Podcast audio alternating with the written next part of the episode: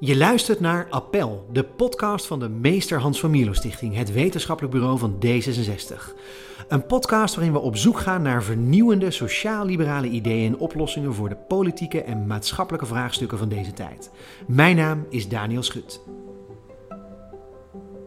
Er ontstond iets bij de overheid dat je moest oppassen met die burgers. Want als je even niet oplet, dan maken ze misbruik van de voorzieningen.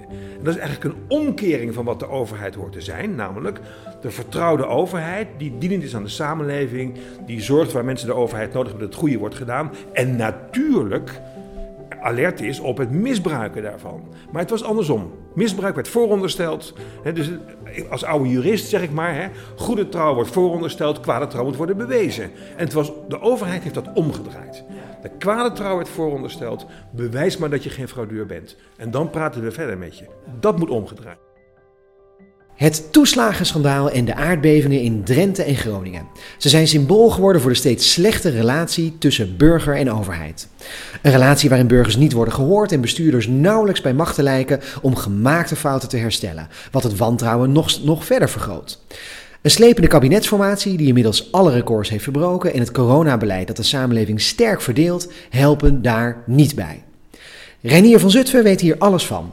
Als nationale ombudsman doet hij onderzoek naar klachten van burgers over de overheid.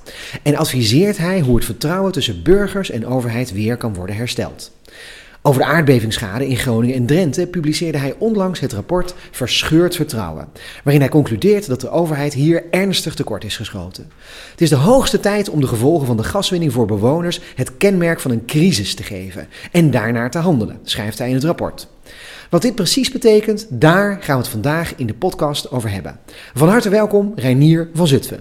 Dankjewel. Heel goed. Hey, eerst even beginnen met dat idee van een ombudsman. Wat, wat is dat eigenlijk? Ombudsman is, is iemand die zich beweegt op het terrein van burger en overheid en vooral als het daar misgaat. We hebben nogal wat mensen in Nederland die met overheden te maken hebben. Dat kan zijn de Rijksoverheid, maar ook een gemeente, het UWV, de politie. Noem al die overheden maar op. En dan gaat natuurlijk wel eens een keer wat mis. En daar hebben mensen klachten over. En die klachten kunnen uiteindelijk bij de ombudsman komen. En het is mijn rol en mijn taak, samen met 250 mensen bij mij op kantoor, om ervoor te zorgen dat het dan weer nou ja, dat het op gang komt. Ja. Uh, dat, dat verkeer tussen burger en overheid. En ook wel om daarover te oordelen. En daarbij is een heel belangrijk woord of de overheid zich behoorlijk heeft gedragen tegenover de burger. Uh, helder, wat, wat, is dan het verschil tussen uh, bijvoorbeeld de ombudsman en de bestuursrechtspraak? Nou, het grootste verschil is dat wij hebben het over de manier waarop een overheid zich gedragen heeft. Dus dat kan ook gaan over de manier waarop je aan de telefoon wordt behandeld door iemand die achter een loket zit of achter een bureau. Bij de bestuursrechtspraak gaat het heel erg over de besluiten.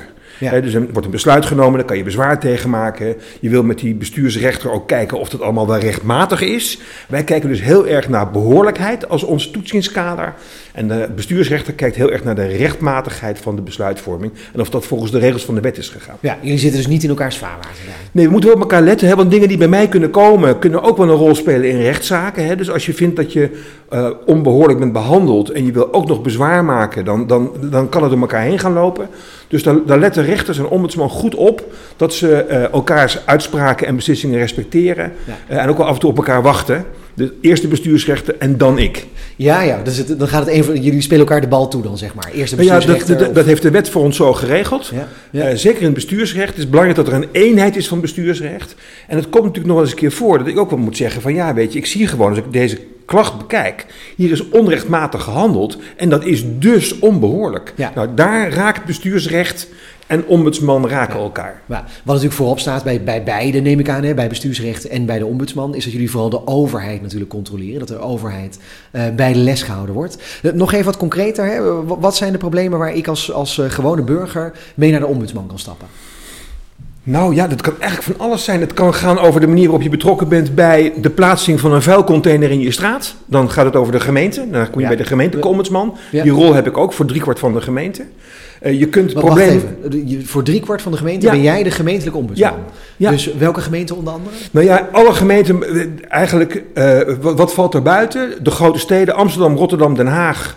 Uh, Groningen hebben eigen voorzieningen. Er zijn er nog wel een aantal andere grotere gemeenten. Maar bijvoorbeeld Ja. Enschede, Utrecht, die hebben zich aangesloten bij de Nationale Ombudsman. Ja. De provincies Nederland hebben alle gemeenten doen samen daar een ombudsfunctie waar wij mee samenwerken. Maar op het gemeentelijke niveau kun je mij dus in driekwart van de gemeenten in Nederland kom je mij ook tegen als de ombudsman. Dat lijkt me wel eh, veel werk voor jou. Dat is heel veel werk. Je ziet ook dat als we kijken naar, hè, zo door het jaar heen van waarover en over welke instanties krijgen we de meeste klachten. Klachten over de gemeente nemen hand over hand toe. Ja. Heeft ook wat te maken met die decentralisaties, waarbij het Rijk veel heeft overgedragen aan de gemeente.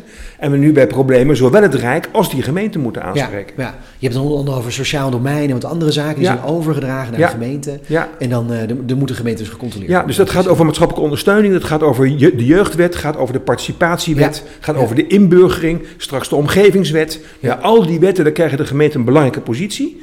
En wij als nationale ombudsman houden ons daar met al die problemen bezig op het niveau van de ministeries en de grote diensten, maar ook dus op het niveau van de gemeente. Ja, het, lijkt me wel verwarrend als je eh, aan de ene kant als ombudsman bezig bent met iets groots als de toeslagenaffaire en iets als eh, ge- de aardbevingsramp in Groningen en Drenthe aan de ene kant. En dan tegelijkertijd komt er een vraag uit, ik zeg maar wat, Delfzijl met een gemeenteambtenaar, die was niet zo aardig Ja. tegen mij. Dat is natuurlijk ook een belangrijke zaak Ja. en daar moet je ook een klacht tegen in kunnen dienen. Maar help me eens even begrijpen hoe je als ombudsman... Nou, kijk, de, de, de oorsprong van, het, van de functie ombudsman komt uit, het uit Scandinavië. Ja. Dus, dus eh, Stockholm, Zweden, hè, dat is een beetje de bakermat. 1809 besloot daar de koning om een ombudsman aan te stellen. Eh, een functionaris hè, die door het Rijk moest reizen op zijn paard. En moest kijken of de ambtenaren in het land het wel goed deden Ja. tegenover de burgers van Zweden. Eh, dat die idee is uiteindelijk in 1982 in de Nederlandse wet gekomen. Ja. Daar is de nationale ombudsman uit voortgekomen.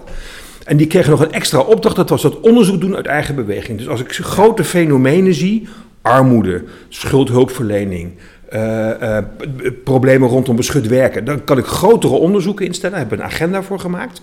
Maar die agenda hangt wel weer heel nauw samen met die individuele zaken. Ja. Dus ik had wel een paar mensen uit Groningen nodig die mij gingen vertellen wat er aan de hand was. Ja. Om te kunnen beslissen, dan ga ik het grootser aanpakken. Ja. Dus zo'n klacht uit Delfzijl, hè, Eems Delta, eh, dat is belangrijk voor ons omdat het aangeeft dat er iets aan de hand is. Dan gaan we verder kijken Ja. en dan kan het dus zoals Groningen, maar ook de toeslagen, op onze agenda terechtkomen. Eh, Neem niet weg dat je dan dus wel veel mensen moet hebben. Je kan het niet allemaal alleen doen. Nee, Dus nee, nee. is- Er is, er is een anekdote dat er ooit gebeld werd door iemand en die zei, er nam een vrouwelijke collega nam op en toen werd gevraagd, is uw man thuis? Want ze dachten, de ombudsman, hè? Nou, Ja, dat- ja, ja. nou, Ja. zo is het dus niet. Inmiddels zijn er dus Ja. bij ons 250 mensen Ja. die dag in dag uit met die problemen individueel aan de slag zijn, maar ook een grote groep daarvan bemoeit zich met regelmaat ook met die grotere onderwerpen. Ja. Projectleiders, mensen die structureel aanpakonderzoek doen, nou, heel veel.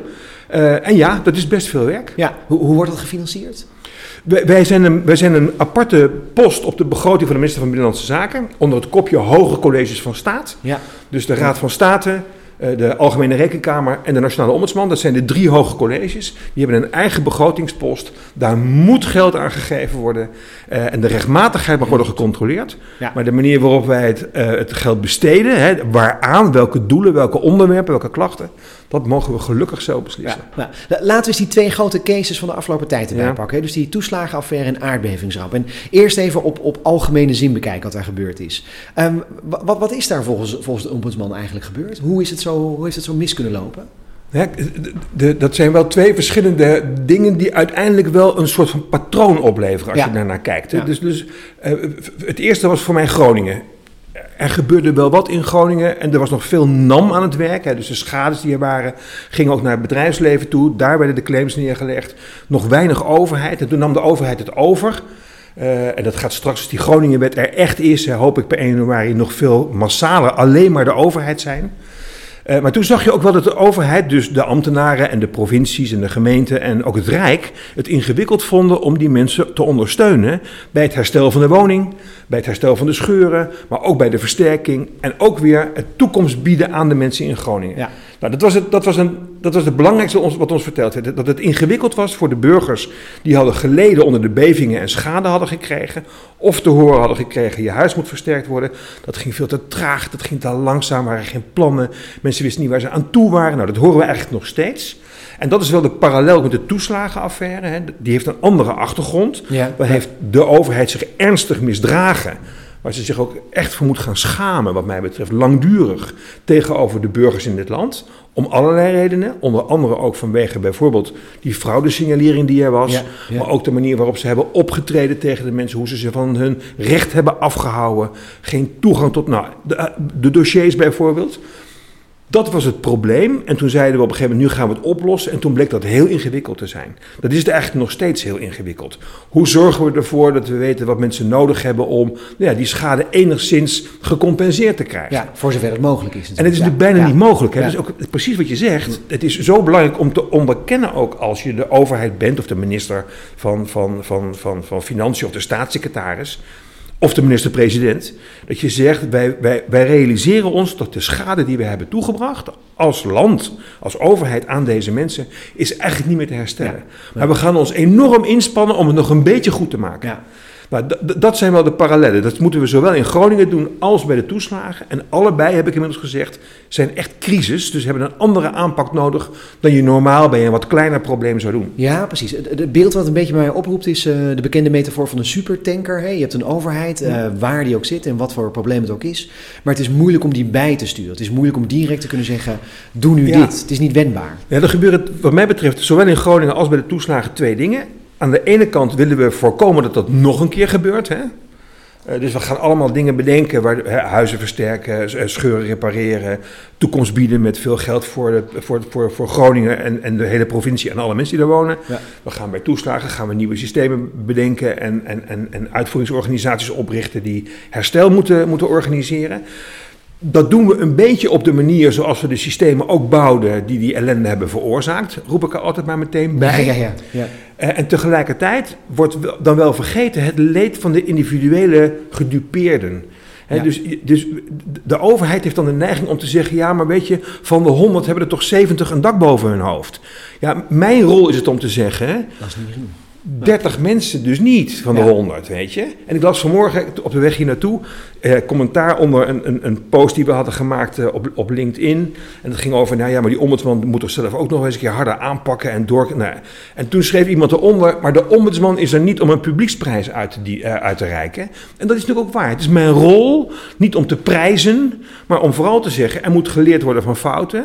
En je moet het beter doen dan je het hebt gedaan. Ja, ja, helder. La- Laten we inzoomen op die toeslagenaffaire. Want ik vind je Ja. oordeel wel eh, terecht, denk ik. Maar dat is inderdaad een oordeel waar de overheid echt wel van mag schrikken. Je zegt, eh, de overheid moet zich schamen. Ja, ja. Ik denk dat het ook voor de, voor de slachtoffers, hè, ze willen overigens geen slachtoffers genoemd worden. Hè? Ja. Dat vind ik ook wel heel belangrijk. Ja. Eh, ik, ik zeg dat de laatste tijd steeds vaker. Deze mensen, die hebben inderdaad, daar is schade aan toegebracht. Maar dat maakt ze nog geen slachtoffer in de zin van in de slachtofferrol zitten. Ja. Als ik met mensen praat die bij ons komen, dat zijn er best wel veel, of ik zoek ze op en ik heb gesprekken met ze, dan zeggen de mensen over het algemeen: wij willen weer de regie terug over ons leven. Wat heeft de overheid ons aangedaan? Ons geld afgepakt, ons huis afgepakt, ons baan afgepakt, onze kinderen niet naar school laten gaan. Eh, we, we zijn in de ellende verzeild geraakt, heel ernstig. Eh, en nu willen we weer dat leven zelf kunnen organiseren. Ja. Dus ze vragen niet aan de overheid: geef mij nou alles terug. Maar ze zeggen vooral: geef mij mijn, mijn zelfstandigheid terug. Eh, en dat is wel iets waar de overheid, wat de overheid zich aan moet trekken. Ehm, en daar hoort wel bij, om dat, te- om dat aan mensen te kunnen geven, hoort wel bij dat je op een goede manier laat merken, hè, waar we het net over hadden, dat je je realiseert als verantwoordelijke bewindspersoon eh, of als hoge ambtenaar. Eh, of als, als iemand die, die nou ja, in, de, in, de, in, de, in de casussen de mensen nu ondersteunt, de zaaksbehandelaren, zoals ze dan zo nu, nu heten, dat je je realiseert dat je moet laten merken dat de overheid echt ernstige fouten heeft gemaakt. Ja. En dat je je ook realiseert, hè, ik zou bijna zeggen namens de overheid, eh, dat die schaamte eh, er, er echt is. Ja. Ja. Dan kan er een, een stap worden gemaakt richting herstel en vertrouwen en weer regie op het eigen leven. En dan komt de zelfredzaamheid weer terug. Ja. Er hoort wel bij dat we niet alleen maar nieuwe systemen bouwen over hoeveel geld ga je krijgen en dan kan je bezwaar tegen maken. Ik roep de laatste tijd steeds harder eigenlijk. Ga naast die mensen zitten. Als er als kinderen, jongelui naar school willen voor een opleiding, zorg dat ze een opleiding krijgen. Hè, dus eh, help bij het vinden van de goede opleiding. Er is een, een, een heel schrijnend voorbeeld van een jonge vrouw die uit, het, uit de klas is gehaald van haar hogere beroepsopleiding vanwege de toeslagen ellende en mocht niet meer terug en kon schoolgeld niet betalen. Gevraagd aan haar, wat zou je het liefste willen? Zegt ze, mijn opleiding afmaken. Dat begrijp ik natuurlijk heel goed. Ja. Dus ik denk dan bij mezelf, waarom zorgen we niet voor een plek op die school waar ze zat? En zeggen, daar ga je nu naartoe. En dat, dat, dat lukt dus niet. Ja. En je moet je voorstellen dat het ook gewoon gaat om mensen die dus al 15 jaar lang niet naar de tandarts hebben gekund. Ja. Zij zelf niet, maar hun kinderen ook niet. Ja. Ehm, nou, dus het tegelijkertijd- alle kanten op. Ik hoor je advies, hè? dat is denk ik een, eh, het correcte en het juiste advies. Ehm, tegelijkertijd moet de overheid wel van ver komen. Want eh, in het NRC zei je ook afgelopen september... ehm, bij de overheid heerst een mensbeeld van de burger als fraudeur. Ja. Dat hebben we in de toeslagenaffaire goed gezien. Hè? Ja. A priori, er werden mensen aangemerkt als mogelijk risico. En bij bijna alle uitvoerenden lijkt er wel een soort beeld te heersen... gaf je aan is in, eh, Ja. september... dat iedereen de burger gewoon als potentiële fraudeur ziet. Hoe kan dat? Nou ja, dat, dat- is er op een gegeven moment ingeslopen. Hè? Dus er, er is een. eh, ik, ik denk als ik kijk naar, naar, de, naar de toeslagenaffaire. eh, en dat dat al misschien wel in 2005 en misschien al eerder is begonnen. Waarbij we. Wa- Want? Wat, eh, Nou ja, rondom 2005 ging het over die algemene wet inkomensafhankelijke regelingen. Hè? Dus de aanweer, waar veel over gesproken wordt nu. D- daar is al gezegd van ja, maar jongens, we, we geven geld, maar dat moet ook wel strak gecontroleerd worden. En mensen gaan daar vast misbruik van maken. Toen kregen we een aantal Bulgaren die met een oranje ING-pasje verschenen in Nieuwsuur. Ja. En toen was, de, het was nou ja, Den Haag te klein. ja, ja. Eh, dus we zijn weer heel streng geworden. En tegelijkertijd maakte het voor mensen ook heel moeilijk om zich te verantwoorden voor de gelden die ze hadden gekregen van de overheid. ja. Ehm, ja, en dan gaat het zichzelf bewijzen. Hè? Want dan ga je zeggen, ja, zie je wel, ze doen het niet en ze hebben het eh, misbruikt. En nou, dan wordt het van kwaad tot erger. En dat zagen we niet alleen bij toeslagen, maar dat zagen we ook bij, nou ja, bij, allerlei, bij, bij, bij mensen in de schulden. Daarvan zeiden we, dat is vast je eigen schuld, dikke bult, Ja. verhaal werd daarbij verteld. Eh, nou, dus er, er ontstond iets bij de overheid dat je moest oppassen met die burgers. Want als je even niet oplet, dan maken ze misbruik van de voorzieningen. En dat is eigenlijk een omkering van wat de overheid hoort te zijn. Namelijk de vertrouwde overheid die dienend is aan de samenleving. Die zorgt waar mensen de overheid nodig hebben dat het goede wordt gedaan. En natuurlijk alert is op het misbruiken daarvan. Maar het was andersom. Misbruik werd voorondersteld. Dus als oude jurist zeg ik maar, goede trouw wordt voorondersteld, kwade trouw moet worden bewezen. Ja, ja. En het was, de overheid heeft dat omgedraaid. Ja. De kwade trouw werd voorondersteld, bewijs maar dat je geen fraudeur bent. En dan praten we verder met je. Dat moet omgedraaid En, worden. maar hoe doe je dat dan? Als het zo diep geworteld Nou zit dus bij het- iedereen. Het begint natuurlijk voor, voor een heel groot deel door de opdracht die de, die de superieuren geven, zowel de politieke leiders als de hoge ambtelijke leiders, aan hun mensen over hoe ze zich moeten gedragen tegenover de burgers. Ja. We hebben natuurlijk ook wel, hè, er wordt heel veel eh, eh, gezegd over het nieuwe public management, de manier waarop de overheid is gaan kijken naar zijn bedrijfsmatige processen. public management is... Dat was eigenlijk een beetje kijken naar, nou ja, moeten we de overheid niet runnen als een bedrijf? ja, Hè, met, eh, met, het is een bestuursfilosofie. Dus ja, het is met kritische prestatieindicatoren. En dan moet je kijken, hè, hoeveel bezwaarschrift heb je deze week afgedaan? 60, nou dat is prima. 50 is te weinig. Niet kijken naar de inhoud. Ik zeg het een beetje Ja, ja, bagatelliserend, hè? Ja, maar het ging dus heel erg over prestaties. Ja, En prestaties die gekwantificeerd konden worden, die je in aantallen kon weergeven. En het ging niet over, hebben wij voor de burgers in onze gemeente, in onze provincie, in ons land, deze week het goede met elkaar gedaan. Nou, ik denk dat het daar begint, hè, dat we weer tegen onze, onze mensen in de overheidsdiensten moeten zeggen, denk erom, je bent er voor de burger en niet andersom. ja, ja. Wel grappig dat je dat zegt trouwens, hè, over prestatieindicatoren. Want eh, jullie zijn in 2020 gestart met die monitor klachtbehandeling. Ja. Eh, dat is eigenlijk bijna ook een soort dashboard, zou je dan kunnen zeggen. Dat is... eh, Ja, op verzoek van de staatssecretaris die zei: Ja. Goh, ik ga nu beginnen aan die, aan die hersteloperatie. En daar komen vast klachten over. En Ja. ik wil graag weten of wij die klachten goed behandelen. En of dat snel genoeg gaat. En Ja. zou je dat voor ons in de gaten willen houden? Dus dat is inderdaad een manier van kijken naar zo'n proces van herstel. eh, hoe dat verloopt. We keken in de eerste, de eerste keer heel, heel specifiek eigenlijk vooral naar de klachtafhandeling. Hè. Als ze binnenkomen, worden ze snel behandeld? Wo- Vindt er een, een serieus menselijk gesprek plaats? Ja. Eh, worden de oplossingen snel gevonden zonder te juridiseren? Dat waren de dingen waar we naar keken. En de tweede keer hebben we wel wat verder gekeken naar hoe, he- hoe die hele operatie zich nu aan het ontvouwen is. Ook naar, naar het stok bij bezwaarschriften. We zagen dat de commissie werkelijke schade dat er moeite mee heeft om schades te berekenen en mensen te vertellen waar ze echt recht op hebben. Het leek toch wel heel erg toch een juridische machine te worden. Dus die, die monitor is eigenlijk geworden de brede blik van de ombudsman over gaat het behoorlijk bij het herstel. En wat komt eruit? Nou ja, dit was een heel kritisch verhaal wat we geschreven hebben. De eerste keer was het zo van, nou ja, weet je, we zien wel hele goede dingen. De, de, de tweede keer zeiden we, oh, maar uh, er zijn ook een paar brieven de deur uit gegaan die voor, wel voor heel veel klachten hebben gezorgd. Ja, als je dus nu op dit moment een afwijzing krijgt voor wat dan heet de lichte toets in het toeslagenschandaal. Dus dan heb je gevraagd om die 30.000 euro. En het antwoord van de, hè, dus de, de, de, het katshuisverhaal is dat. En, dan krijg je te horen, dan kom je niet voor een aanmerking, dan krijg je een brief. En dan kan je eigenlijk geen touw aan vastknopen. Je weet dan niet waarom je dat geld niet krijgt. Er staat, het kan zijn dat. En dan komen er acht alternatieven die mogelijk in uw geval van toepassing zijn. Dan staat er, u zou daartegen in bezwaar kunnen, maar het hoeft niet. Want we gaan nog een keer opnieuw kijken en dan kunt u later misschien nog een keer. Wij praten met mensen die dus in de spanning hebben gezeten over die 30.000 euro. Die krijgen te horen nee, die lezen die brief en die snappen er niks van. Nee. Dus daar ga je over klagen. Dus wij zeiden, die brief moet anders. Ja, dat is nog steeds niet gebeurd. Nou, dat soort kritiek zag je wel in die tweede monitor terugkomen. Van, goh, er waren al een aantal dingen gesignaleerd die beter zouden moeten. Eh, de staatssecretaris had ook gezegd in de voortgangsrapportages, dat ga ik ook zeker doen. Ja, dan leg ik er wel de vinger op de zere plek als zo'n toezegging niet is uitgevoerd. Ja, die kritiek die, die staat, denk ik. Eh, dan blijft nog steeds de vraag: wat kan de overheid dan specifiek anders doen? Hoe kun je die cultuur in die filosofie en al die systemen die erin zitten, hoe kun je dat als overheid echt anders doen? Uh, wij hadden in 2019 hebben we een grote bijeenkomst georganiseerd met heel veel mensen die bij overheden werken. En daarbij ook heel veel uh, input gevraagd. Hè? Dus, dus opvattingen, meningen, uh, antwoorden van burgers daarbij gebruikt. En we hadden ze gevraagd: wat, wat vind je belangrijk? En dan zeggen ze nou begrijpelijke regels. Ja. Uh, en eerlijkheid aan de kant van de overheid. Uh, ja, weet je, dingen als uh, uh, op een vraag die we hebben snel en adequaat een antwoord krijgen. Nou, dat zijn dingen waar het nog steeds aan schort. Dus nummer één klacht bij ons noemen wij nog steeds de non-responsiviteit. Dat wil zeggen, je vraagt wat en je krijgt geen antwoord. Ja. Dat is nog steeds klacht nummer één over de overheid. Dus daar zou het mee moeten beginnen. Wees snel, adequaat, begrijpelijk, eerlijk. Eh, dat, dat zijn echt hele belangrijke kernwoorden die bij dat gedrag horen. Het lijken een beetje misschien wel een beetje nou ja, softe woorden. Maar als je die woorden vertaalt in actueel gedrag van ambtenaren, is dat nog best een klus.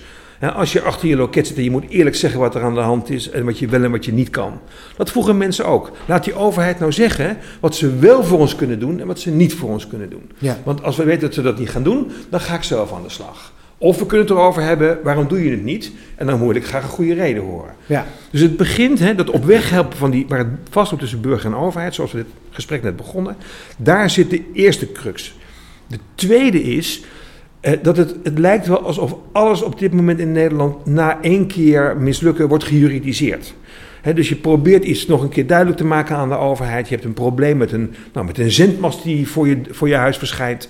Uh, dan ga je één keer wat vragen en dan is het afgelopen. En dan zeggen ze nou, dan gaat u maar in bezwaar. Ja. Dus we zijn onmiddellijk aan het juridiseren. We hebben niet meer het goede gesprek over waar ging het eigenlijk over, wat zou hier moeten gebeuren. Dus mijn appel op de overheid, maar even heel breed, is: verdiep je nou beter in wat de burgers beweegt als ze jouw vragen stellen of problemen hebben. Hm. Ga niet tegenover ze staan, maar ga naast ze staan en ga samen naar die oplossing zoeken. Ja. Meneer Scheltema, de, de hoogleraar die de, de Algemene Wet Bestuursrecht heeft gemaakt, ook ooit nog staatssecretaris geweest, die heeft mij geleerd toen ik begon als ombudsman Renier, er staat één ding in de AWB niet. En dat is namelijk een verbod om te bellen.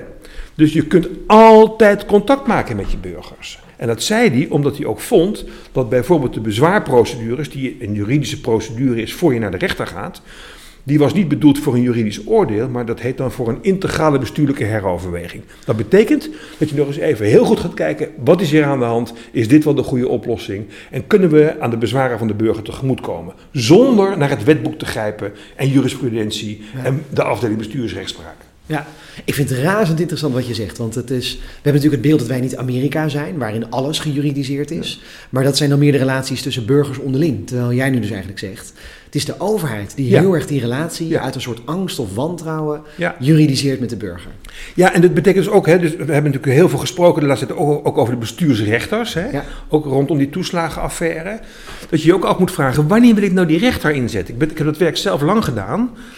Uh, en je wil eigenlijk dat, dat de meeste zaken op een goede manier worden opgelost tussen burger en de overheid zelf. Ja. Dat je niet naar die rechter hoeft. Die rechter er alleen maar is als het echt niet kan, anders kan. Hè? Dus als een probleem onoplosbaar is, knopen moeten worden doorgehakt, de burger en de overheid er samen niet uitkomen.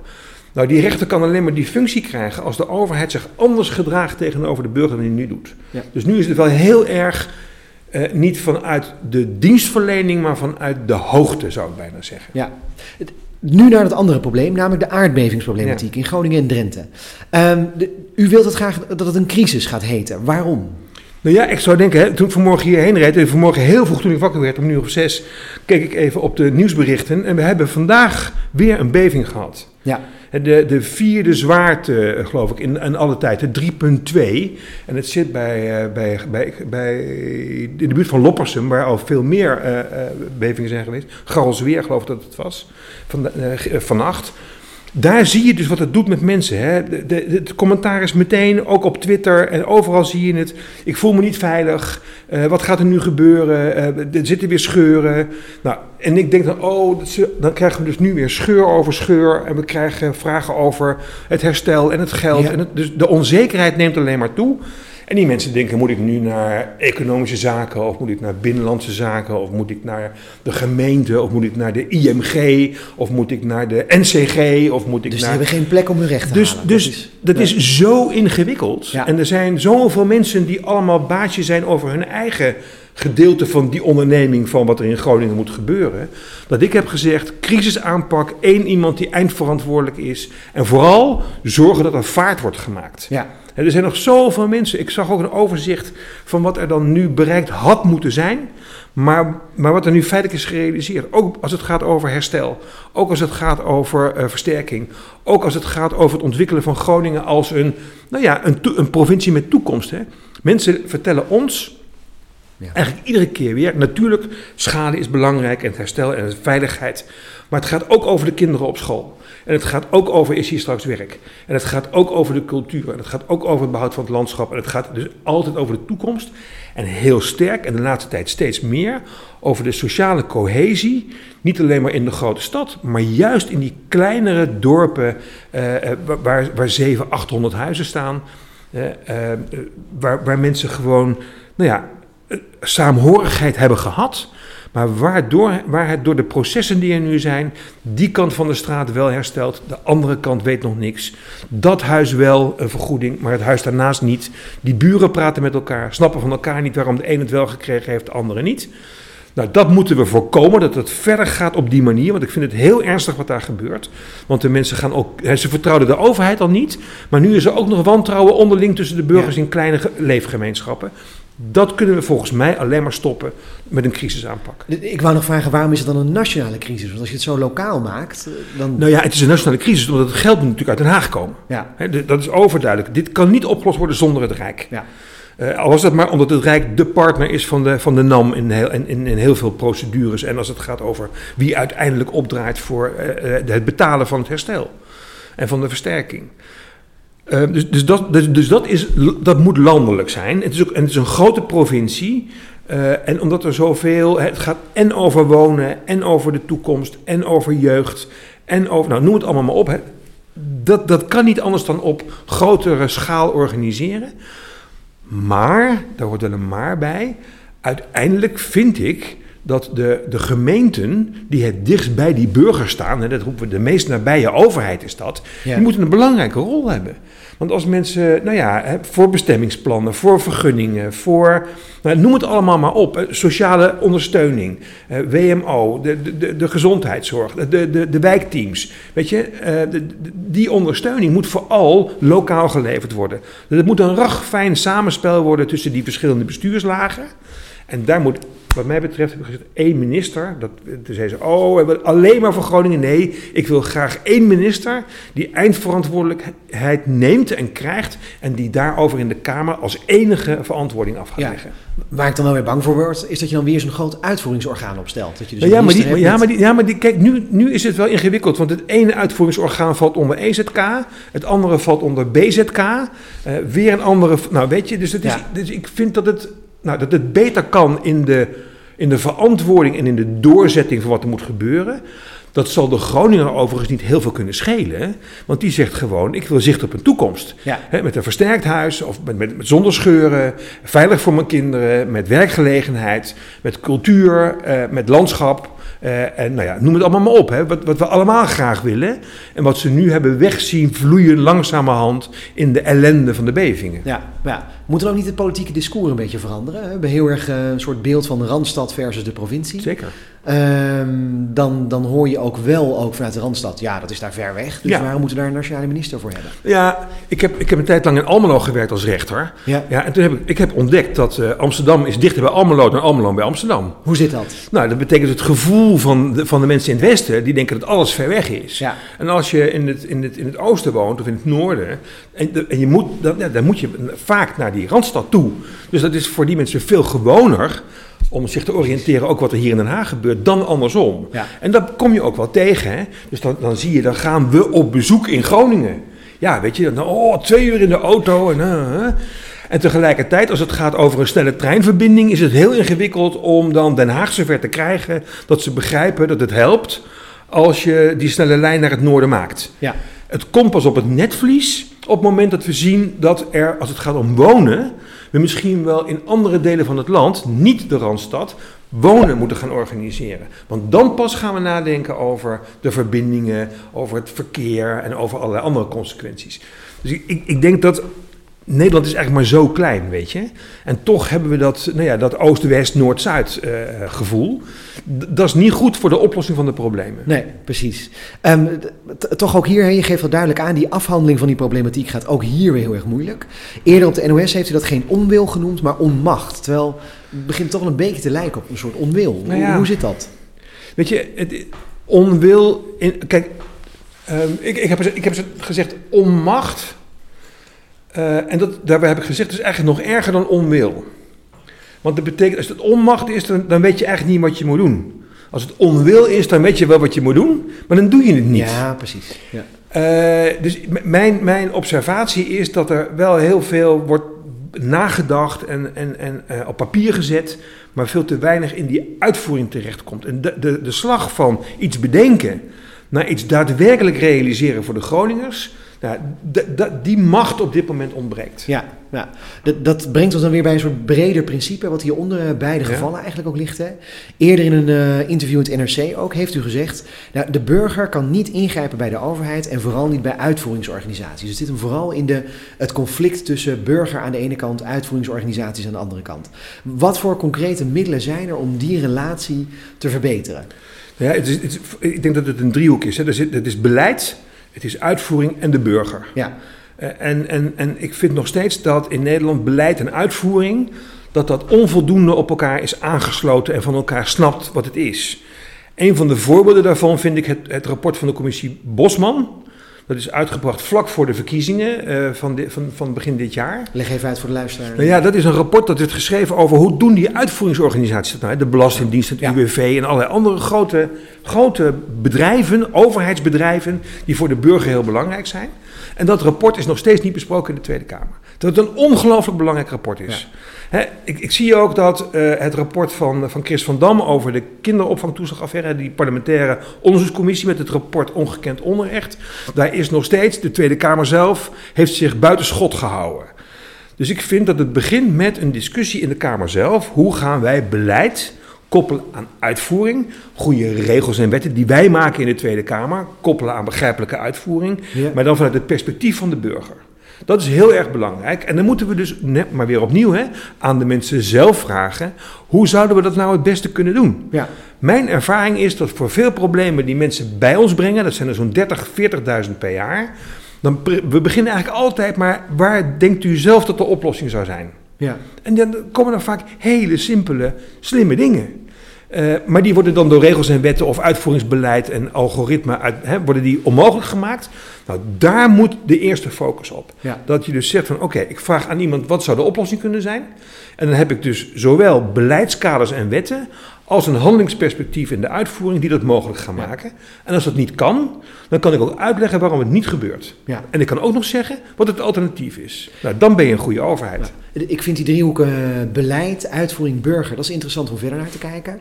Ehm, je, je zou ook kunnen zeggen, ik hoor je ook een beetje zeggen dat beleid ook wat meer zelfkritischer mag zijn. Dus de Kamer mag ook Ja. op zichzelf wel kritischer zijn. Ja, ik vind, dat de, ja, omgaan. ik vind dat de Kamer echt moet kijken vooral naar ehm, de, de, de consequenties als ze aan voorgestelde wetten eh, nog weer allerlei dingen gaan toevoegen. Ja, Eh, eh, omdat het in een, zal ik er een voorbeeld van geven? ja graag. Ja. Nou, toen ik net begon in 2015 ging het heel erg over de PGB's. Hè?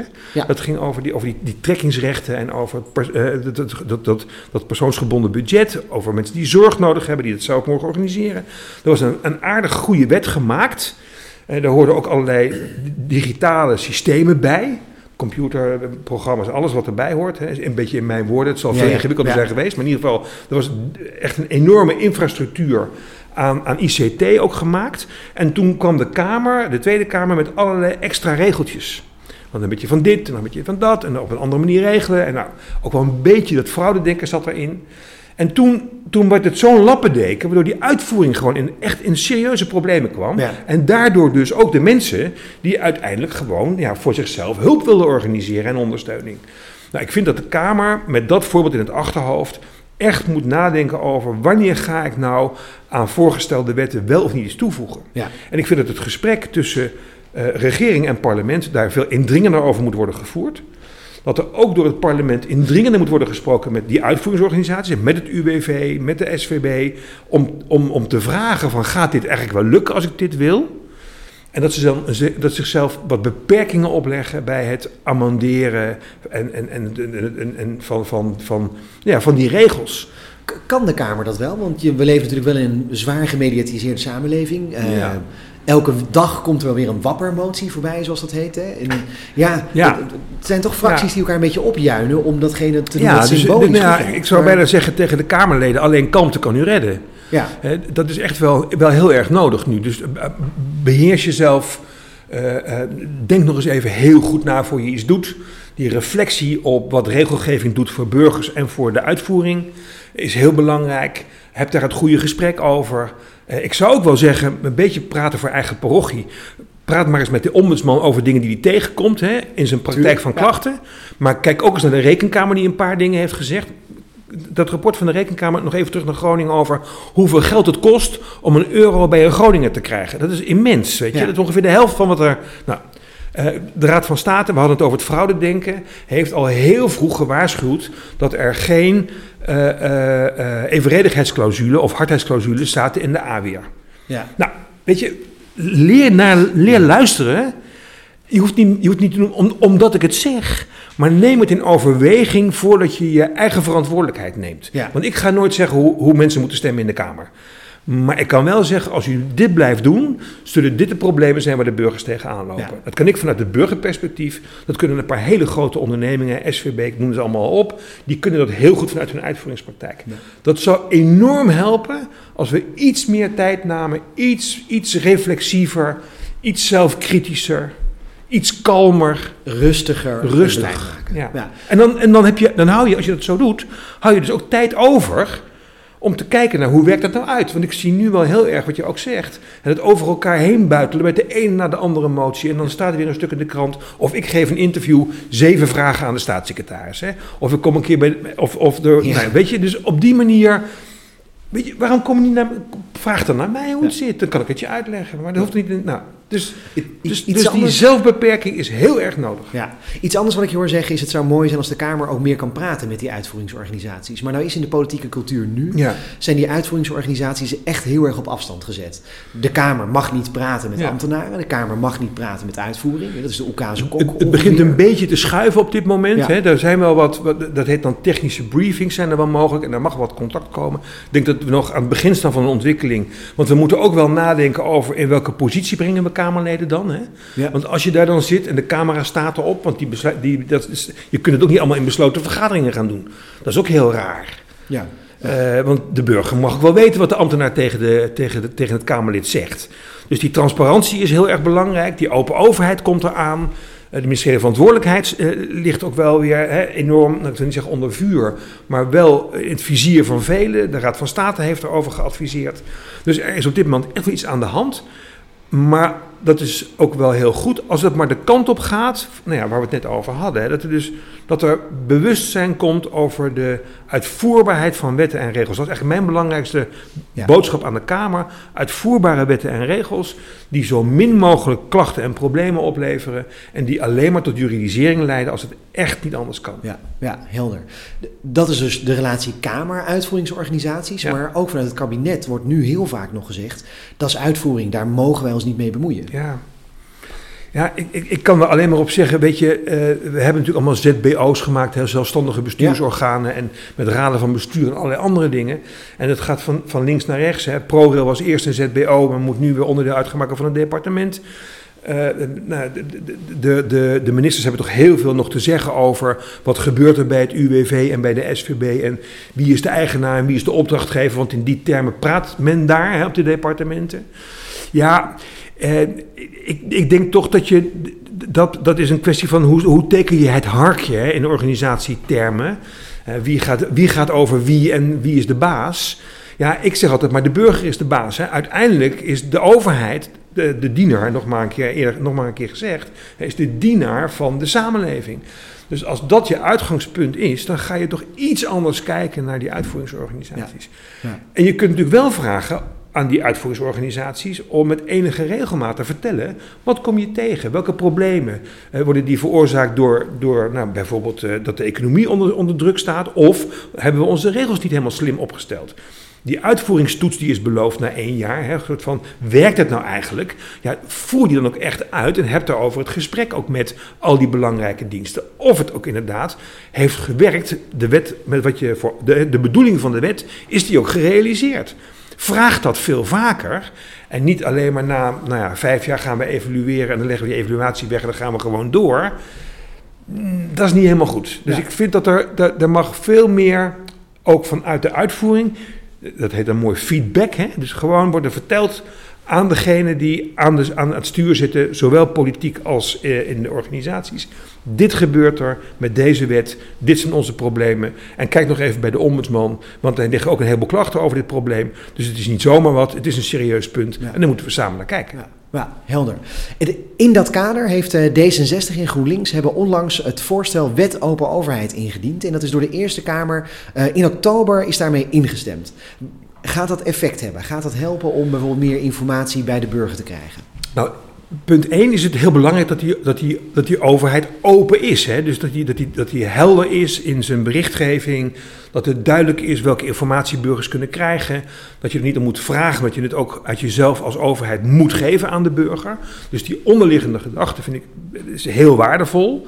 Eh, ik denk nog wel dat er een paar dingen gaan, ook in de uitvoering van die wet straks, wel boven tafel gaan komen. Hè? Zijn die overheden daartoe in staat? Om al die, al die data, al die gegevens, al die stukken tijdig uh, nou ja, te publiceren. Ja. En het ging erom dat de burger dan goed geïnformeerd zou zijn. Dus mijn test, hè, dus zeg maar de lakmoesproef die ik erop ga uh, uitvoeren is... Weet de burger nou straks ook inderdaad meer van wat er in zijn directe omgeving gebeurt. Ja. Bij vergunningverlening, bij bestemmingsplannen, bij de, nou, we hadden het al even over de omgevingswet. Wat gebeurt er met de varkenstallen? Waar komen de windmolenparken? Heb ik op tijd mijn informatie gehad? Eh, mag ik zien wat er over is gewisseld tussen de gemeente en de minister? Uh, is, dat open, is, dat, is dat open source? Hè? Dus een open bron geworden inderdaad, die open overheid. En ik voorzie dat dat nog wel een tijdje gaat duren voordat we dat echt goed voor elkaar hebben. Voor in de praktijk echt geïmplementeerd ja. hebben. En ik, ik was bij mijn collega in Estland. En in Estland werken ze al heel lang met dit concept van die open overheid. En daar zie je eigenlijk dat de dingen die nu bij ons komen als een probleem, als een klacht, omdat er onvoldoende helderheid is, diezelfde klachten blijf je krijgen omdat er heel veel helderheid is. dus om een voorbeeld te noemen, ik vond het fascinerend. Eh, in, in, Estland is het nu zo dat de processen verbaal van de politie komen gewoon op het, op het internet. Dus die kan je gewoon zoeken. Dus dan weet je wat er over mensen in jouw straat is gezegd. Maar andere mensen weten ook wat er over jou is gezegd. Dus er was iemand die was, had, was gaan klagen over de buren en de hond. En de buren met de hond hadden dat gelezen. En die waren vervolgens boos naar de klager gegaan. En die hadden gezegd, ja, maar weet je, ik zag op het internet, in het politierapport, je hebt over mij geklaagd. Waarom niet eens bij mij? En dat was allemaal, nou, weet je. Dus, dus laten we nou niet denken dat we met open overheid eh, de problemen oplossen. Ja, het is belangrijk. Openheid, toegankelijkheid, informatie. Mensen kunnen daar naartoe. We moeten ook nog even daar bedenken wie kunnen dat makkelijk wel en wie hebben daar moeite mee. Want er zijn veel mensen in Nederland die hebben moeite digitaal, maar ook gewoon met lezen en schrijven. Dus hoe zorgen we dan voor dat die niet op achterstand komen met informatie? Nou, dat is nog weer een ander punt. Maar het gaat erom dat we niet moeten denken dat daarmee de problemen de wereld uit zijn. Ik bereid me erop voor dat die wet open overheid alleen maar meer klachten gaat opleveren. Oké, dat is, en dat is eh, misschien wel goed ook. kunnen we voorbereiden. Dat is best ja, goed. Dat is eh, best goed. Ja, ja. ja dat, dat lijkt mij goed, want dan heb je in ieder geval wel... Want eh, dan, dan, dan snappen Ja. mensen dat ze ergens recht op hebben, het niet op tijd krijgen en dan gaan ze daarover. Ja, helder. En niet meteen juridiseren met dwangsommen erbij. Dat wordt dan de volgende Toch? stap. Ja. Die moeten we voorkomen. Het brengt me eigenlijk bij de laatste vraag die ik wilde stellen. Namelijk eh, nou ja, de formatie. We horen geruchten dat het eh, bijna klaar is. En dat we misschien wel met kerst een, een kabinet kunnen hebben. Dat Ja. we een bordesscène kunnen hebben. Stel je nou eens voor dat, eh, dat u daar minister zou zijn. Eh, Even los van welke partij dat is. Maar stel je voor dat u gevraagd wordt. U moet van uw paard gehaald worden. Van u reist door Ja. het land op het paard natuurlijk. Eh, wat zou je als eerste doen om, om die rechtvaardige samenleving, dat vertrouwen in die driehoek tussen beleid, uitvoering en burger, om dat dichterbij te brengen? Wat zou, wat, wat zou je doen? Nou, vind ik best wel een lastige vraag. Ehm, in ieder geval, deze kalkoenen hadden dan de kerst. Hè? Dus dat is al, eh, dat is Ja. heel mooi. Bedenk ik me nu ineens. Maar, maar wat, ik, wat ik eigenlijk het allerbelangrijkste vind, is dat je, dat je altijd begint te redeneren vanuit toch maar weer die slogan. De overheid is er voor de burger en niet andersom. Dus je zit niet voor jezelf. En iedereen zal zeggen dat het allemaal klopt. Dat, is al- dat is al honderd jaar bekend en veel langer. Sinds Thorbecke is het al zo. Zullen veel mensen zeggen. Alleen dat in de praktijk brengen. Dat moet je, daar moet je iedere dag moet je dat, eh, tegen jezelf zeggen. hè. Dat dat het belangrijkste is wat je gaat doen. Ja. Dus je gaat ervoor zorgen dat al die goede ideeën die je hebt, al die plannen die je hebt gemaakt, die je straks vastlegt in een soort van programma en daarna in een akkoord, dat je het ook echt gaat uitvoeren. En dat het alleen maar dingen zijn waarvan je weet, daar wordt de samenleving en dus uiteindelijk de burger beter van. Dat is een beetje algemeen, eh, maar ehm, nou, als een aantal ministers dat echt gaan doen, dan schieten we wel op. Kijk, dat scheelt. Hartelijk dank voor je komst, Renier van Zutphen. Eh, je gaat straks weer het land doorreizen, neem ik aan. Je gaat weer eh, op zoek naar... eh, Ja, ja, we, nou ja in ieder geval, de, onze provincietours die staan. En ik hoop echt dat we in het voorjaar weer langdurig weg mogen. We zijn nu een beetje beperkt natuurlijk toch door COVID Ja. en, en, en, en de maatregelen die erbij horen. Daar houden we ons ook aan. Maar ja, de mensen spreken en ontmoeten en weten waar het om gaat. Dat is core business. Dat is wat de ombudsman doet. is een Hartelijk ombudsman. dank, nogmaals. En luisteraar, bedankt voor het luisteren. Vergeet niet je te abonneren op deze podcast als je dat nog niet hebt gedaan. En de volgende keer is Dorine van Norren te gast over wat we voor onze klimaataanpak kunnen leren van niet-westerse filosofieën.